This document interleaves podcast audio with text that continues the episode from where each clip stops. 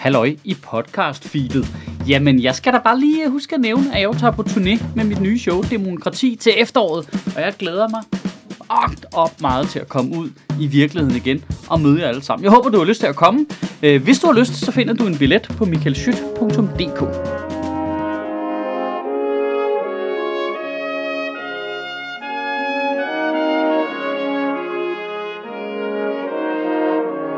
Goddag. Her i Danmark, der er vi helt høje på os selv. Hold kæft, vi er vilde med os selv. Ej, men danskhed, danskhed, danskhed, det er bare, vi er bare så specielle. Vi har hygge.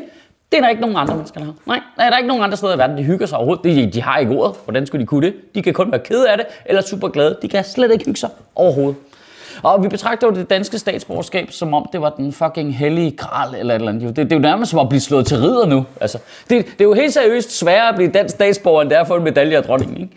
Det, det er lidt spøjst, at vi bliver ved med at stramme reglerne for dansk statsborgerskab, at nåløje bliver bare mindre og mindre og mindre og mindre. Men øh, reglerne for, hvem der kan få en medalje af dronningen, det var det er det samme regler, der har været hele tiden. Det er alle ministre får en per automatik. Det er lige meget, om du er god eller dårlig. Altså, du skal bare cykle forbi Christiansborg, så får du en medalje af dronningen. Eller hvis du har en virksomhed, der ikke er i skattely. Det er nok. Det er rigeligt. Altså, ejeren af Jensens Bøfhus er ridder af Dannebro. Ja, så får man lyst til at tyre sit statsborgerskab ud af vinduet. Ikke? Og nu har regeringen sammen med Venstre, Konservativ og Liberal Alliance strammet reglerne for at få dansk statsborgerskab igen. Igen. Igen. Igen, igen, igen, igen, igen. Fordi, det må du forstå ikke også, at dansk statsborgerskab, det er noget helt specielt.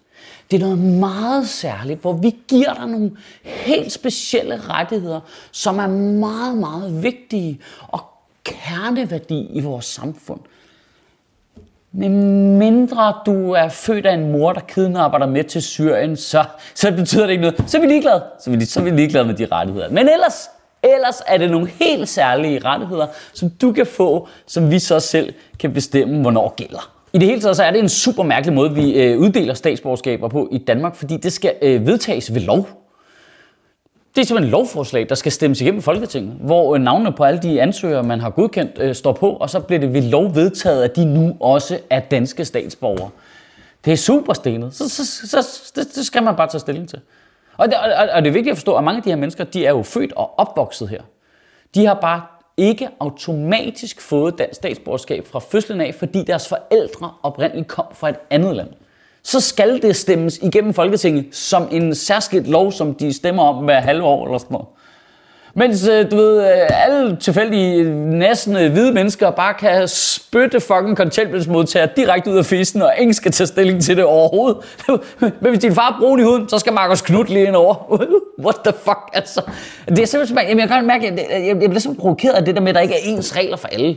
Altså enten, så må det sgu da være sådan, at hvis du er født her, så får du stukket et pas i din øh, jordmorbefængte babyhånd det sekund, du kommer ud, og så er du dansk statsborger. Eller også er der ingen, der automatisk bliver dansk statsborger. Og så må vi finde på et andet system. Så bliver det noget med, at så når du er fem år gammel, så får du tilsendt en nem idé, og hvis du kan gennemskue det som femårig, så kan du blive dansk statsborger. Så får vi også alle de kloge, det er det, vi gerne vil have. En af de stramninger, man laver nu, det er for eksempel, at hvis du har en betinget eller en ubetinget fængselsdom, så kan du aldrig nogensinde få dansk statsborgerskab. Øhm, ja, og der er det vigtigt lige at forstå det der øh, jura, der, altså en øh, betinget dom for vold, det, det, det, det er for småting. Altså det, det er håndgivning i byen. Det kan, hvis du har skubbet nogen om kul, øh, mens du er fuld eller et eller andet.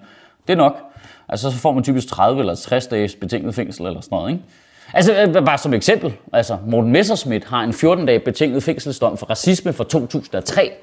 Så han ville aldrig kunne blive dansk statsborger, hvis ikke han tilfældigvis havde det i forvejen. Det er pisse irriterende.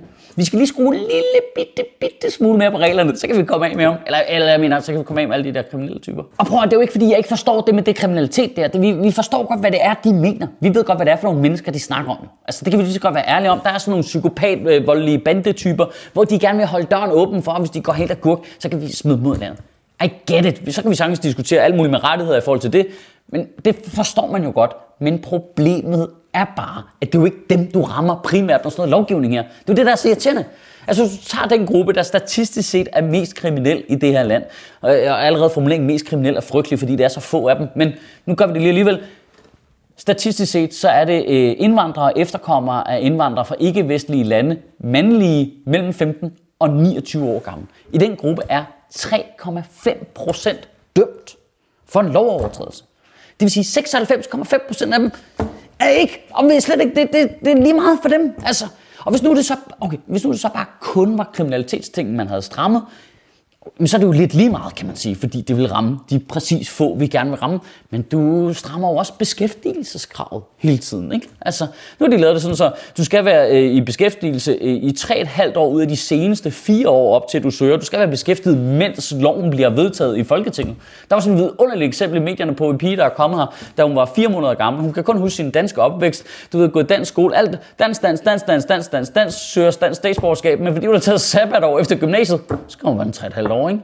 Altså, det, det er jo helt almindelige mennesker. Det er jo sygeplejersker, buschauffører, folk, der passer vores ældre. Vi kigger bare på en kæmpe gruppe borgere, der deltager i vores samfund og er med til at løfte velfærdsstaten. Bare kigger på dem og siger, ja, nu gør vi det lige rigtig, rigtig svært for dig at få de samme rettigheder som os andre.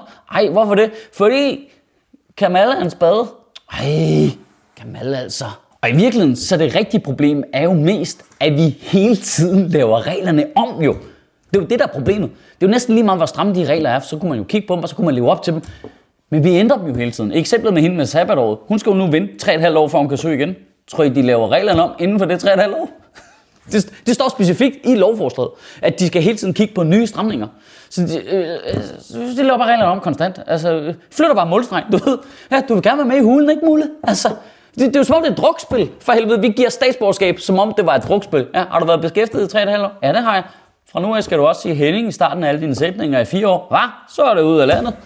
Så kan vi lige så godt gå 100% drukspil på den og bare lade nye statsborgere tilføje den næste nye regel. Og prøv, vi kan slet ikke nå at gennemgå alle detaljerne i det der lovforslag, fordi der er, altså, der er håndtryk og du ved, demokratisamtaler.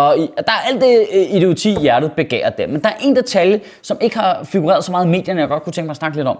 Man har også vedtaget, at førhen der var det sådan, at når vi skulle lave det lovforslag med de nye borgere, der nu ved lov blev gjort til danske statsborgere, så stod deres navne i alfabetisk rækkefølge. Nu har man lavet det sådan om, at de står grupperet efter, hvilket oprindelsesland de kommer fra i nogle grupper. Øh, Norden, Europa, ikke-vestlige lande og alt den slags der. Og der kan man ikke være sådan, men det, det er vel lige meget. Altså, nu har vi lavet alle de her svære regler, og så lever de op til dem, så er deres oprindelsesland vel øh, underordnet. Altså, hvis de er den type borgere, vi gerne vil have, de er, fordi de lever op til reglerne, og derfor kommer på lovforslaget, så er det vel underordnet. Men det er jo fordi, det er et kompromis, fordi oprindeligt ville Dansk Folkeparti gerne have haft, at man noterede folks øh, religion øh, på lovforslaget, så man kunne se, hvilken religion folk havde. Og det, det var der masser af partier i Folketinget, der ikke havde det store problem med overhovedet. Det er en super god idé, indtil der nogen, der sagde, så jeg skal bare lige forstå det, så hvis der er en jøde, der kommer og søger om dansk statsborgerskab, så skal staten registrere, at det er en jøde, og så var det en dårlig idé lige pludselig. Ja, det, er så, det kan man altså bare se, så er det en dårlig idé. Sådan er det. Muslimer, god idé det er også jøder, så er det nok en dårlig idé. Ligesom omskæring, ikke? Hold kæft, en barbarisk middelalderkultur, det, skal, det har jøderne, så skal vi forsvare det. Det skal forsvares.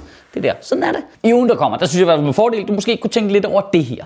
Altså, er rettigheder noget, man skal ansøge om? Eller hvad? Altså, er hele ideen med rettigheder ikke at det er nogen, vi alle sammen kan gøre krav på. Altså hvis du er kommet lovligt øh, ind i landet, øh, om det er over grænsen eller ude af din mors fisse, altså, så, så er du her jo, så gælder vores regler jo for dig. Det er jo det, der er lidt syret, at man så siger, at vi strammer reglerne for øh, statsborgerskab.